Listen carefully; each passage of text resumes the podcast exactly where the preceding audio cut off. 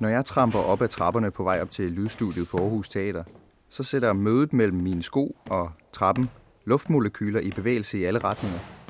Og nogle af de lydbølger, der bliver sat i gang, de når så op til mit øre, hvor små folder af brusk dirigerer lyden ind i min øregang. Objektivt set er lyd bare usynlige vibrationer i luften. En bølgebevægelse i stof, som så alt efter hastighed, styrke og frekvens opfattes forskelligt af øret. Når man går i teatret, kan lyden fuldstændig styre en forestilling. Det er måden, replikkerne bliver leveret på. Viskende, stille eller råbende og rasende. Det er slæbende skridt og dybe suk. Det er håndelig latter. Det er åndeløs stillhed. Det er musik og sang. Og så er det selvfølgelig sidemands næse, der piver, når han trækker vejret. Hej Mathias, og velkommen. Hej Kim, tak. Kom indenfor.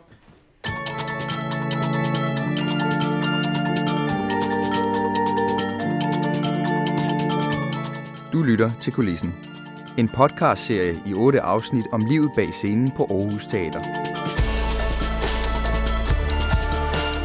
I dette afsnit er det lyddesigner og tonemester Kim Engelbrecht, der sammen med lydkunstner Morten Ries fortæller om lige netop deres hjørne af livet i teaterkulissen.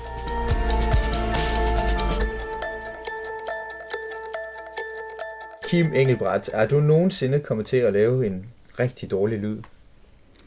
Ikke bevidst, fordi hvad er en dårlig lyd? Øhm, Så det kan jeg svare nej til. Øh, og det skulle man ellers tro, du kunne, fordi øh, altså at komme til at lave en dårlig lyd, for du har været her på Aarhus Teater i mere end 35 år og haft med fingrene i over 100 forestillinger øh, som tonemester og lyddesigner på, her på teateret. Og kan du helt, helt, lige helt kort sige, hvis man ikke ved, hvad en tonemester laver, hvad går det så ud på? Jamen, nu er jeg jo tonemester og lyddesigner, og, og min primære opgave på teateret er at være lyddesigner. Øh, tonemester er et levn fra gamle dage, hvor det var en typisk øh, afdelingslederbetegnelse for en lydafdeling. Øh, Hvor det i dag er en meget stor uddannelse på konservatoriet. Sådan musikteoretisk, videnskabelig. Vel egentlig kun på det Det er klassiske. kongekons, ikke? Ja, ja, ja. Vi holder fast i tonemester, det har et eller andet svung over sig, synes jeg også. Ja, vi- Det lyder også godt på tysk tonmeister. Jeg tror, det kommer derfra. Øh, Morten Ries, du sidder også ved siden af. Øh, Har du nogensinde lavet sådan en rigtig dårlig lyd? Jamen altså, jeg laver jo faktisk øh, dårlig lyd øh, stort set hver evig eneste aften. Øh, men dårlig lyd, som jeg, selv, som jeg selv synes er dårlig. men jeg har, jeg har sådan en sådan en ongoing øh, teknoprojekt, hvor jeg sidder og laver, øh, som jeg har arbejdet på de sidste seks år. Øh, og jeg synes, det lyder virkelig dårligt. Men jeg har en eller anden, øh, der, der er sådan et meditativt rum, der ligesom bliver skabt med, at man sidder og laver noget, som man kommer ind i et eller andet flow, og så lytter man til det bagefter, og så lyder det helt forfærdeligt. Men som udgangspunkt, så findes der ikke dårlige lyde, der findes kun dårlig kommunikation omkring den. Og det er som sagt af en ægte lektor på, øh, på det jyske musikkonservatorium, øh, som også har skrevet Ph.D. Øh, ved Aarhus Universitet, øh, hvor du skrev om et nyt filosofisk grundlag for at forstå elektronisk musik. Mm. Øh, og når du ikke sidder og laver dårlig techno, øh, så spiller du også lidt selv og skriver også lidt selv, og så er du med i øh, det, som hedder The Overheard, Ja. øh, hvor, I, øh, hvor I forsker i det der krydsfelt mellem akademisk teori og, og, og lydkunst, øh, og det laver du sammen med Marie Højlund. Ja. Øh, hvad går I? Går I og banker på ting og så videre i, i The Overheard, eller hvad vil det sige? Øh, det gør vi også, men jeg tror, vi prøver, vi er meget optaget af at finde steder, som har noget særligt, og så prøver ligesom at iscenesætte det ved at gøre så lidt som overhovedet muligt. Så vi er meget interesserede i de her overhørte lyde, der er omkring os, og hvordan man så at sige kan rette opmærksomhed imod alt det, vi så at sige går glip af, alt det, vi filtrerer ud, ved nogle meget sådan simple kunstneriske greb. Og har du nogensinde overhørt en, en rigtig dårlig lyd, en lyd som, øh, som skurrede? Øh, jeg tror, altså for mig er der, findes der ikke, øh, jeg tror, mm, altså rent lydkvalitetsmæssigt, så for mig er der ikke nogen dårlige lyde. Heller ikke Øh. navle på en... Øh, nej, hvad hedder Ja, det? Negle har- på en tavle? Jeg har det lidt med sådan uh, flamingo-kasser, var, det, var der et eller andet med dem. Men, men, men sådan rent lydkvalitetsmæssigt er der ikke, for mig at se nogle dårlige lyde. Jeg tror kun, det handler for mig om, om man er bevidst om, hvad det er, man hører. Øh, og, man er, og, og afsenderen ligesom er bevidst om, hvad er det for nogle redskaber, man har brugt.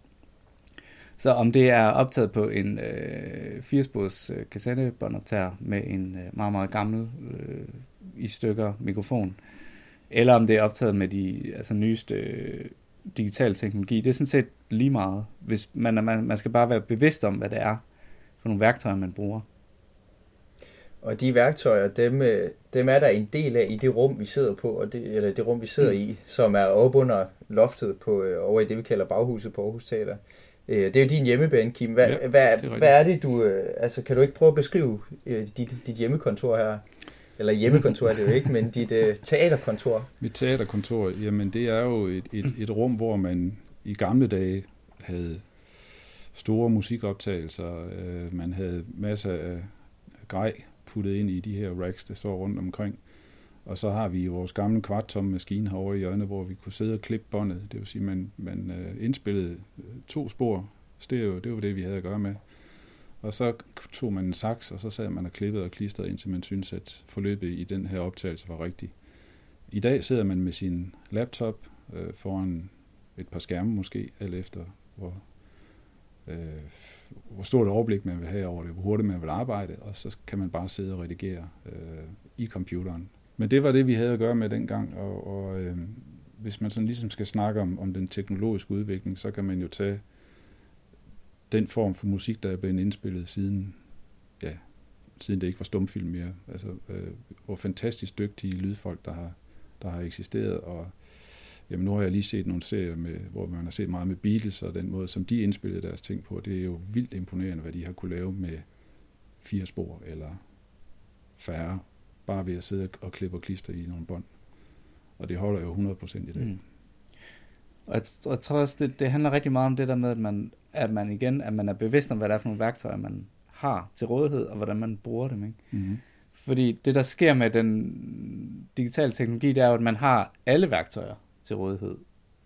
Meget billigt, ja. hvis ikke nærmest gratis. Ja. Øhm, og det kan jo, det er jo på en eller anden måde sådan, der er jo et eller andet fantastisk øh, idé, og der er jo et eller andet sådan, man kan sige, det er sådan en demokratisering af, af kunsten og musikken. Ikke? Nu har alle ligesom mulighed for at, at, at lave, lave musik og lave lyd. Men men der sker, der er også et eller andet skred i forhold til, hvad er den, fordi man har alle ting til rådighed, så bliver alting måske også lidt mere ligegyldigt. Og så søger man måske lidt, jeg ved ikke om, altså det gør jeg i hvert fald, så søger man måske lidt de der gamle håndværk, fordi der, hvad, hvad var det, man egentlig kunne der? Det man kunne, det var, at man kunne lytte. Ja. Ikke? Man havde ligesom nogle, nogle få redskaber, og det man blev nødt til at, at opøve, det var sin hørelse. Ikke?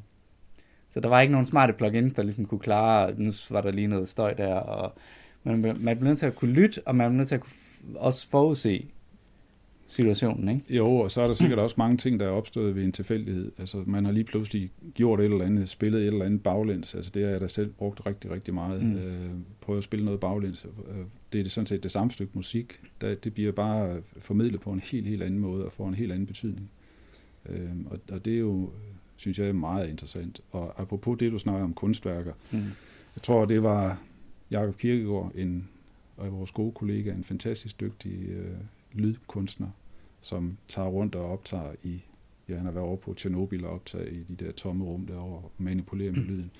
Jeg mener, han sagde noget med, at, at lyd det er en lineær oplevelse, forstået på den måde, at du stiller dig hen foran et billede, for eksempel på et, mm. et, uh, galeri, og kigger på det, så kan du i et splitsekund danne dig en mening om det, du ser. Men lyd, det er noget, der udvikler sig over tid. Du er nødt til at faktisk at høre hele værket til, til ende, eller lyden til ende, før du kan objektivt give en mening til kende om det. Og det synes jeg, det har jeg tænkt meget over. Øh, det, det er rigtig godt sagt der. Men det er jo også en, altså det, det er jo vildt interessant, men derfra altså til, til den viden om, hvad det er, man godt kan lide ved lyd og interessere sig for ved lyd, og så i forhold til den øh, lille dreng, som var Kim, eller lille dreng, som var Morten, som sad og tænkte, hvad er det med lyd her? Altså, hvad, øh, hvis jeg sådan zoomer helt ud, hvad er det så, der har fået dig, Morten, til at, mm. at, at beskæftige dig med lyd og interessere dig for lyd? Altså det der med, øh, der bliver sat noget luft i svingninger, som rammer mm. øregangen mm. og får os til at, at høre noget specielt. Ja, altså jeg har altid spillet musik og i forskellige orkester, men jeg tror, det som ligesom... Øh, startede min fascination omkring lyd, det var en firespors kassettebåndoptager i gymnasiet. Øhm, og netop det der med de der uheld, eller det der med, man, jeg fattede ingenting. Øhm, så netop, netop det der med at afspille ting øh, i for, for, forskellige hastigheder og baglæns, og, men også bare den der, den der, det der med, at man kunne lave noget. Altså man havde en eller anden måde, man havde kontrol over det her. Der var ikke andre. Altså når man spiller i band, så er man ligesom, skal man altid stå til ansvar for alle mulige andre, og man skal, mm. det er sådan en meget kompleks social konstruktion, ligesom det jo også er at lave teater, bare i sådan en meget stor skala, ikke? Men det der med, når man har, når man har sig selv og en lille synthesizer og en 80 båndoptager, så, så bestemmer man selv.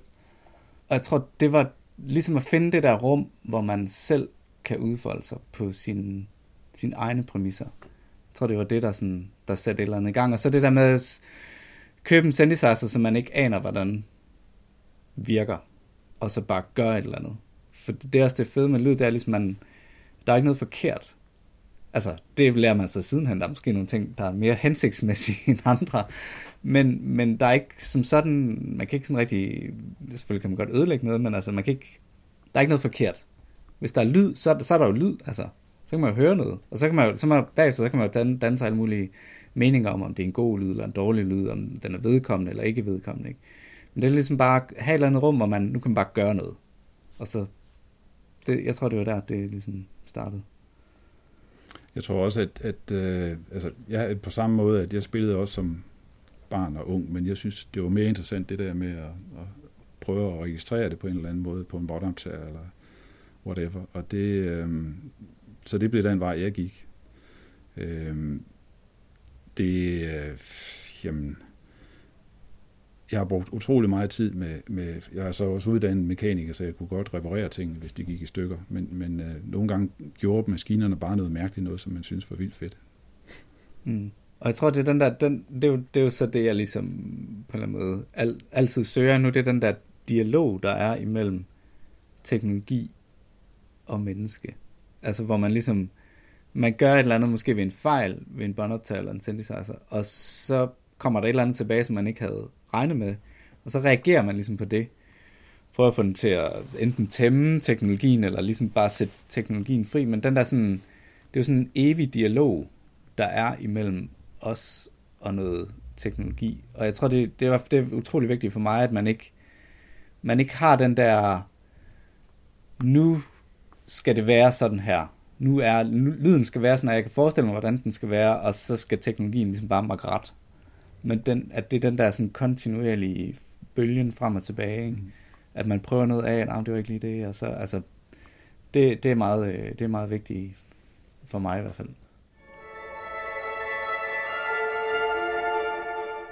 Men nu, nu lytter, og I lytter begge to på den måde til lyd, hvor I siger, at der er ikke noget, der er ikke nogen kvalitativt gode og dårlige lyde, der er bare lyde, og så kan vi få noget forskelligt ud af dem, og de kan være mm. optaget godt og optaget dårligt. Men altså, jeg har en baby, ovenpå i min lejlighed, der græder om, om natten. Det synes jeg er en dårlig lyd.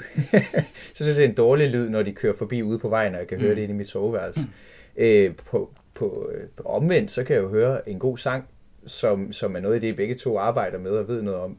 Øh, hvor, jeg t- altså, hvor at lige præcis den sammensætning af akkorder, eller den opbygning af et eller andet, øh, simpelthen øh, slipper endorfiner løs i mig. Mm. Altså, hvordan kan der være forskel på den måde, vi oplever lyde? Er det, er det kun, og nu ved jeg godt, at det bliver langhåret, er det kun socialt konstrueret, om det er en god eller en dårlig øh, oplevelse, jeg har af de lyde der? Altså, der er jo helt klart nogle, øh, hvad hedder det, altså der er noget fysiologisk omkring, hvad er det for nogle, altså for eksempel, øh, hvad hedder det, barnegråd, ikke? Det, det rammer nogle nogle steder i vores øh, perceptionsapparatur, som, hvor vi er særligt følsomme. Så det er sådan en, der er nogle fysi- fysiologiske øh, ting omkring lyd, hvor der er nogle lyde, som er, er mere eller mindre ubehagelige. Øh, men så er der kontekst, som er ekstremt vigtig, når vi snakker om lyd. Fordi man kan godt isoleret set, så kan man sige, lyden af en motorvej, og lyden af Niagara Falls. Hvis du ligesom optager de her to lyde, og kigger på dem på, øh, ind i computeren og lytter til dem, så har du meget svært ved at se og, og høre forskel på de her to lyde.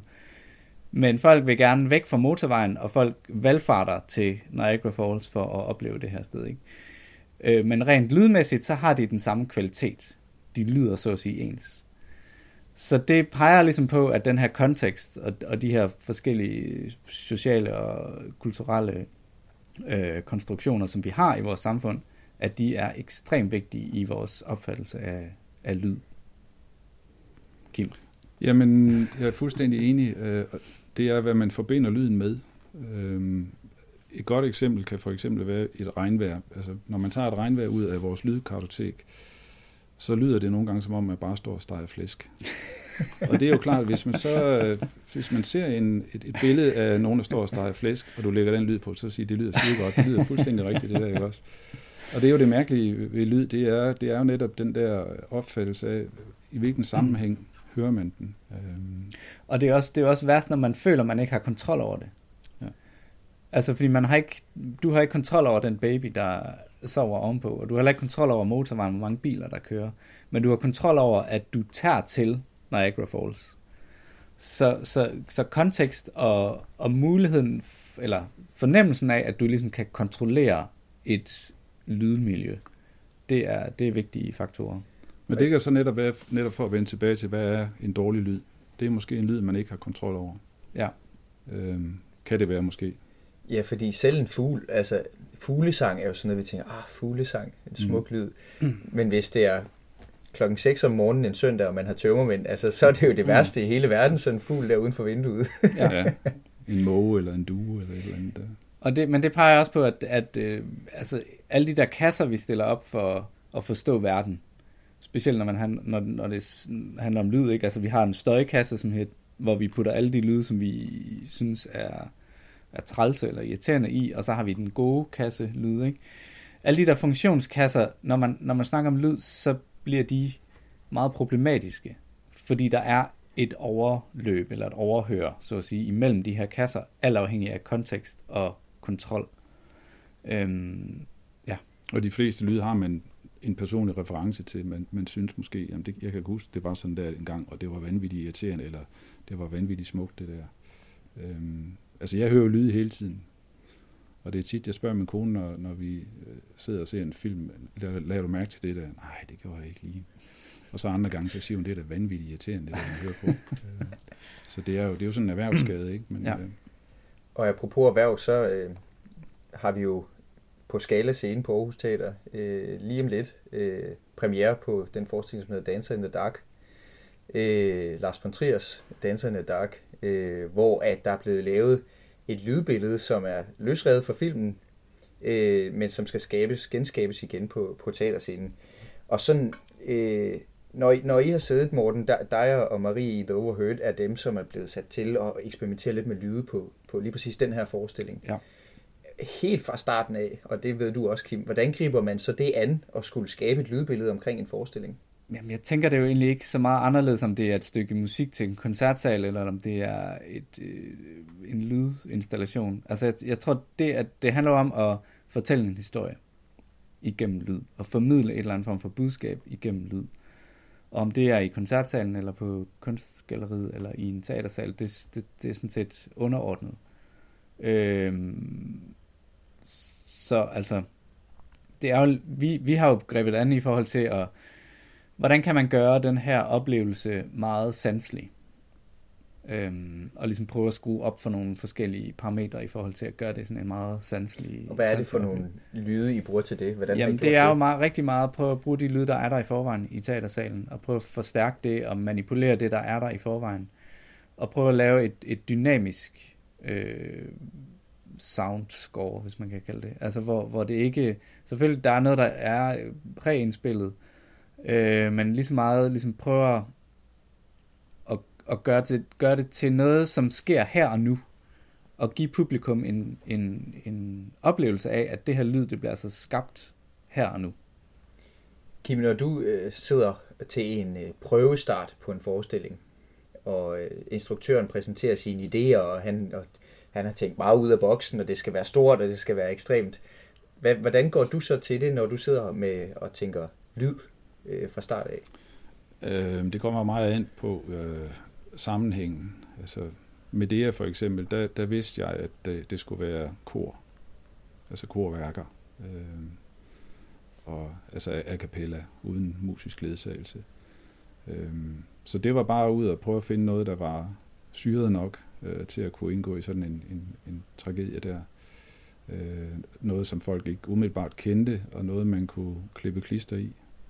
Øh, og lave nogle soundscapes, altså lydlandskaber, ud af noget, som måske var tænkt som musik, men som endte med at blive noget helt andet. Øh, Morph var jo en af de første gange, hvor jeg skulle lave en forestilling, øh, hvor der ikke skulle tages hensyn til nogen dialog. Det var lyd og, lyd og lys. Ja, det var en fantastisk øh, opgave.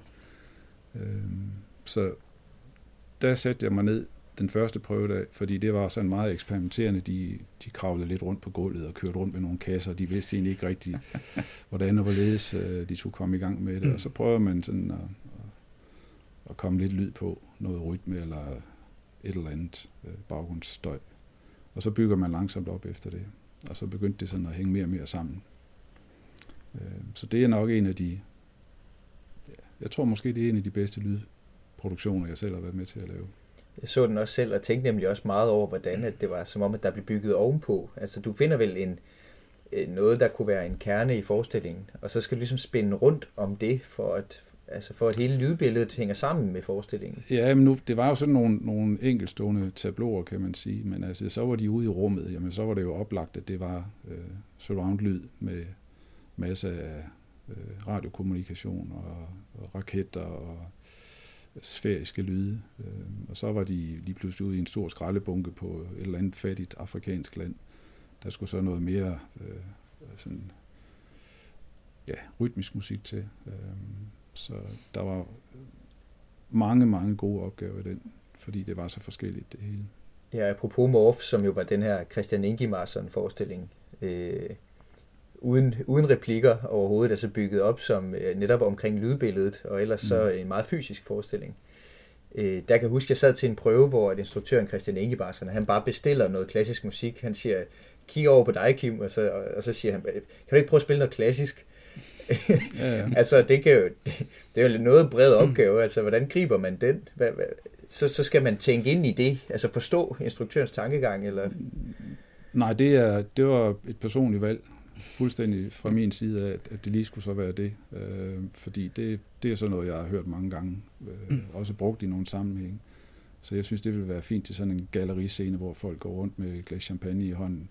Øh, musikledsagelse skal jo ikke være det dominerende, men det skal alligevel være stemningsskabende. Og, og det er jo også det interessante ved det, at som du også sagde, hvis man lige pludselig tager noget lyd væk, det kan godt være, at folk ikke har lagt mærke til, at lyden var der, men hvis man så lige pludselig slukker for den, så lægger folk mærke til det. Mm. Og nogle gange er det, er det sådan set bare det, der, der er kunsten, det er at finde noget, som ikke øh, tager fokus fra det, der egentlig er meningen, folk skal sidde og kigge ned på, men alligevel øh, tilføjer noget spændende.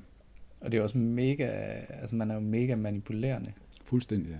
Altså, fordi netop fordi folk ikke lægger mærke til det, ja. men, de, men det gør de. Altså, og det er jo det der sanselige, den der ja. sanselighed. Ja. Og der er jo lyd i vores hverdag, og der er lyd i radioen, og der er lyd alle mulige steder. Men hvordan lyd og teater lige præcis hænger sammen, og hvad, hvad man kan lægge mærke til øh, lyde i en teaterforestilling, det synes jeg, vi skal gå over på skala og snakke lidt videre om, for det er der danserne Dark spiller, og det er også der, du sidder til daglig, Kim, og, og skruer på knapperne. Mm. Lad os gøre det. Øh, så lad os gøre det. Ja, det er utroligt, han har fået slæbt derovre. Nu kommer han jo, tror jeg, taget det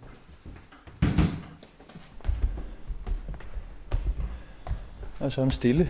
Ja. Det er helt uhørt. skal vi snart færdige.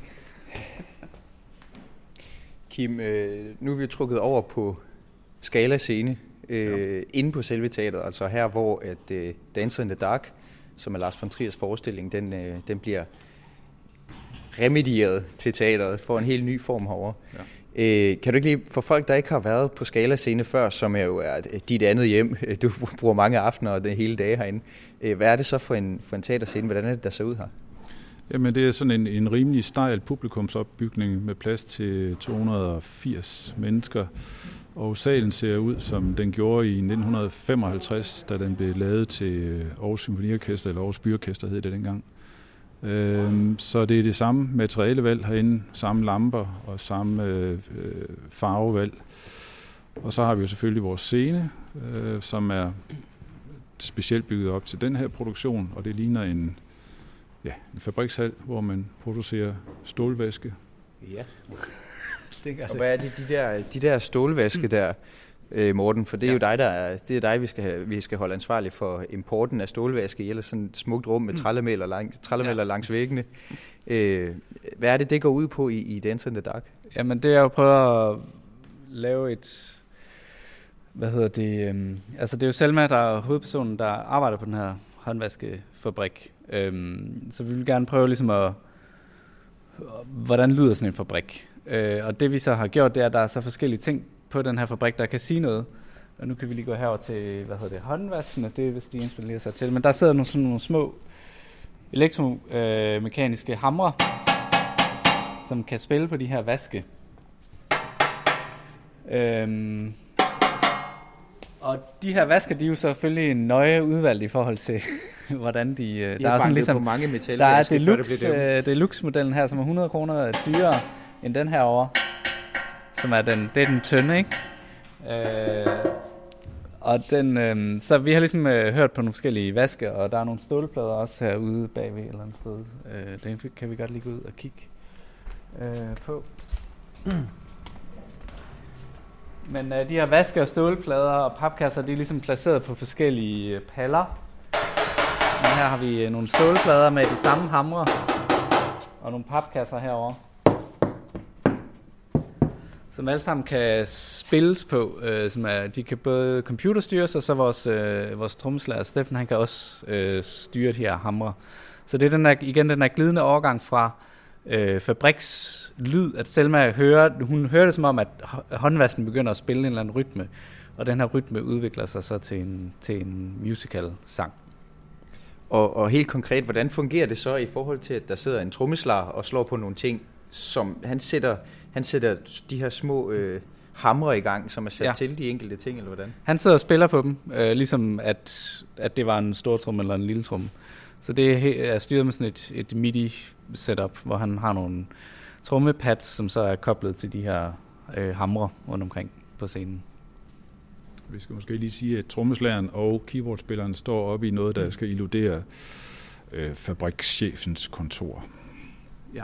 Så de sidder og styrer slagets gang deroppe? Ja, og har overblik over, hvad der foregår hernede på gulvet.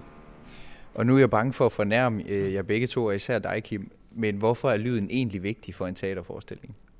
Den er jo med til at skabe stemning og også subjektivt afgøre, hvordan folk de opfatter en produktion. Altså, der er jo, man kan jo manipulere med folks følelser bare ved at spille et stykke musik, og man kan også gøre dem enormt vrede. Så lyd er jo i min verden alt afgørende. Og, og hvordan går for en som, net, som netop øh, nørder lyd, hvordan går lyd og teater så op i en, i en højere enhed, hvis man kan tale om det? Altså nu er det min første teaterforestilling, men øh, det gør det jo i forhold til at... Jeg tror, hvis man, hvis man kommer det sted hen, hvor man ikke ser, man, man ikke ser teaterstykket, og man hører ikke lyden, men man er bare til stede, der går det, altså det er der, vi prøver at komme hen. Så det handler om sansning. Hvis man kan komme hen til et eller andet sted, hvor, hvor det er sådan en ren sansning, og man glemmer det teaterstykke, man glemmer, at der kommer lyd og forskellige ting, men at man bare er her så, øh, så er vores opgave løst. Øh, jeg tænker tit, når jeg sidder i biografen, at der er, altså, der er smæk på, øh, specielt de nye biografer, hvor der er højtaler hele vejen mm. rundt osv. Hvad, hvad er forskellen på øh, at opleve lyd i en biograf og opleve lyd på et teater? Jamen altså, for mit vedkommende er det jo meget, meget tit, at du bliver nødt til at tage hensyn til det talte ord, altså til dialog og taleforståeligheden. Og der må man indordne lydstyrken til det. Det er meget sjældent, at man laver en produktion, hvor man bare kan give den gas. Det behøver man ikke at tænke på i, i, en, i en biograf, hvor det er helt andre øh, forhold, man kan arbejde under. Så det, øh, man kan jo så manipulere med lyden med, med hjælp af mikroporter, eller man kan gøre nogle ting på, på scenen for at forstærke, men det vil aldrig nogensinde kunne blive ligesom i en biograf. Og er det godt eller skidt? Øh, tit drømmer man da som lyddesigner om, at man bare kan gøre ligesom i en, i en biograf. For man får da også indimellem nogle opgaver, nogle instruktører, hvor de siger, at så skal de viske, og vi skal være helt nede og tale. Øh, og som om de står og visker hinanden ind i ørerne, så siger man, at det kan ikke lade sig gøre på en teaterscene, desværre. øh, så i den ideelle verden kunne det være sjovt, hvis man kunne det, men jeg tror ikke på, at det kommer til at ske. Og apropos de uh, microports, altså sådan små mikrofoner, som de jo nogle gange, man ser jo nogle gange, de har på, specielt, ja. uh, specielt i musikforestillinger. Ja. Hvor, hvorfor er det, de ikke bare altid har microports på, så vi er sikre på, at vi kan høre, hvad de siger? Jamen, det er jo meget tit et kunstnerisk valg. Uh, især instruktører. Der er mange instruktører, der ikke bryder sig om, at uh, lyden ligesom bliver så endimensionel, fordi lige pludselig så har du måske svært ved at fokusere på, hvem er det egentlig, for eksempel på en scene, hvem er det, der står og taler, hvis lyden alligevel bare kommer ud af et stort højtaleranlæg. Man har så lavet forskellige tricks med panorering af lyden, øh, men det er meget sjældent, at det virker.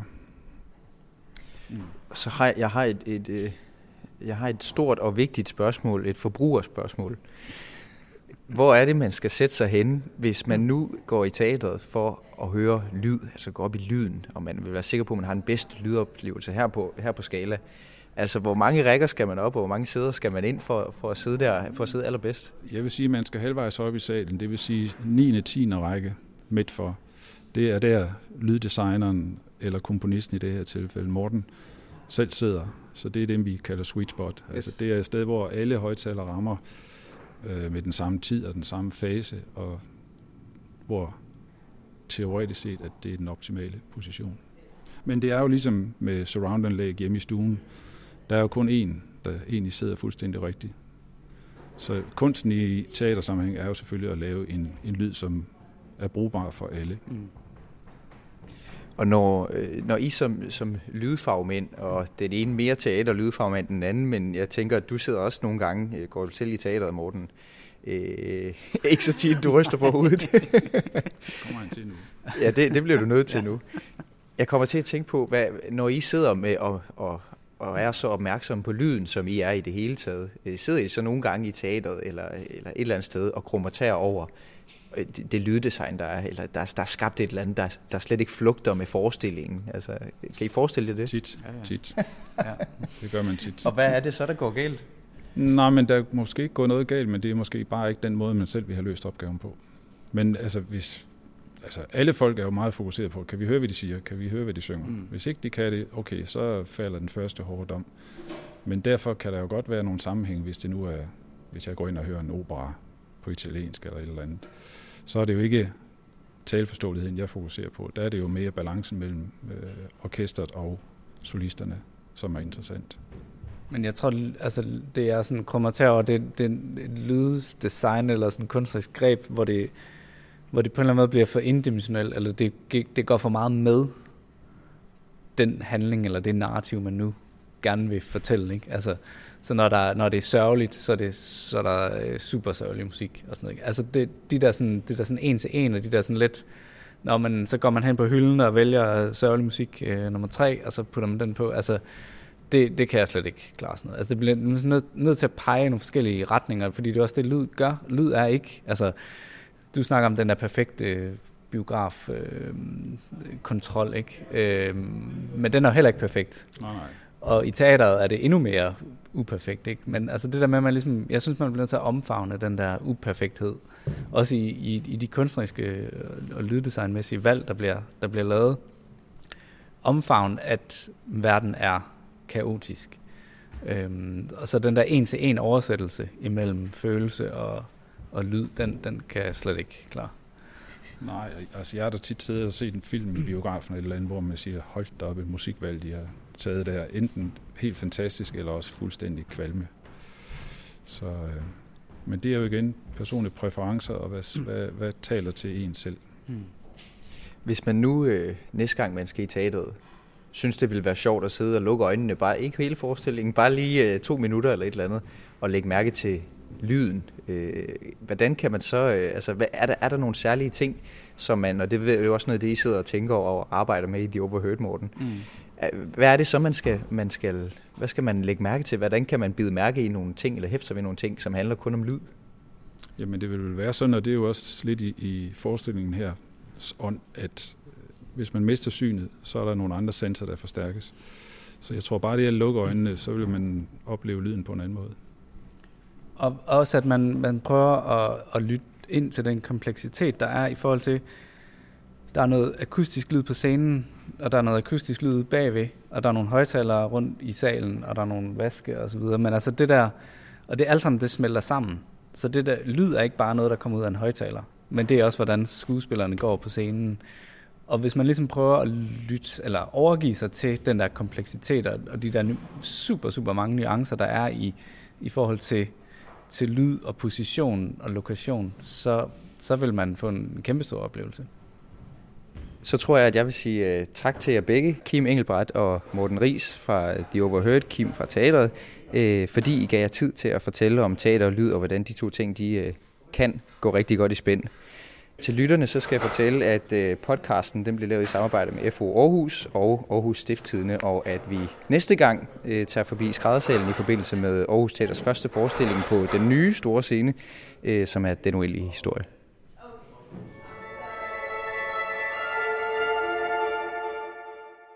Du har lyttet til Kulissen. En podcastserie i otte afsnit om livet bag scenen på Aarhus Teater. Mit navn er Mathias Wissing, og jeg har stået for koncept og tilrettelæggelse. Lyddesignet er skabt af Claus Q. Hedegaard og Marie Kolkjær Højlund med udgangspunkt i musikken til Dancer in the Dark.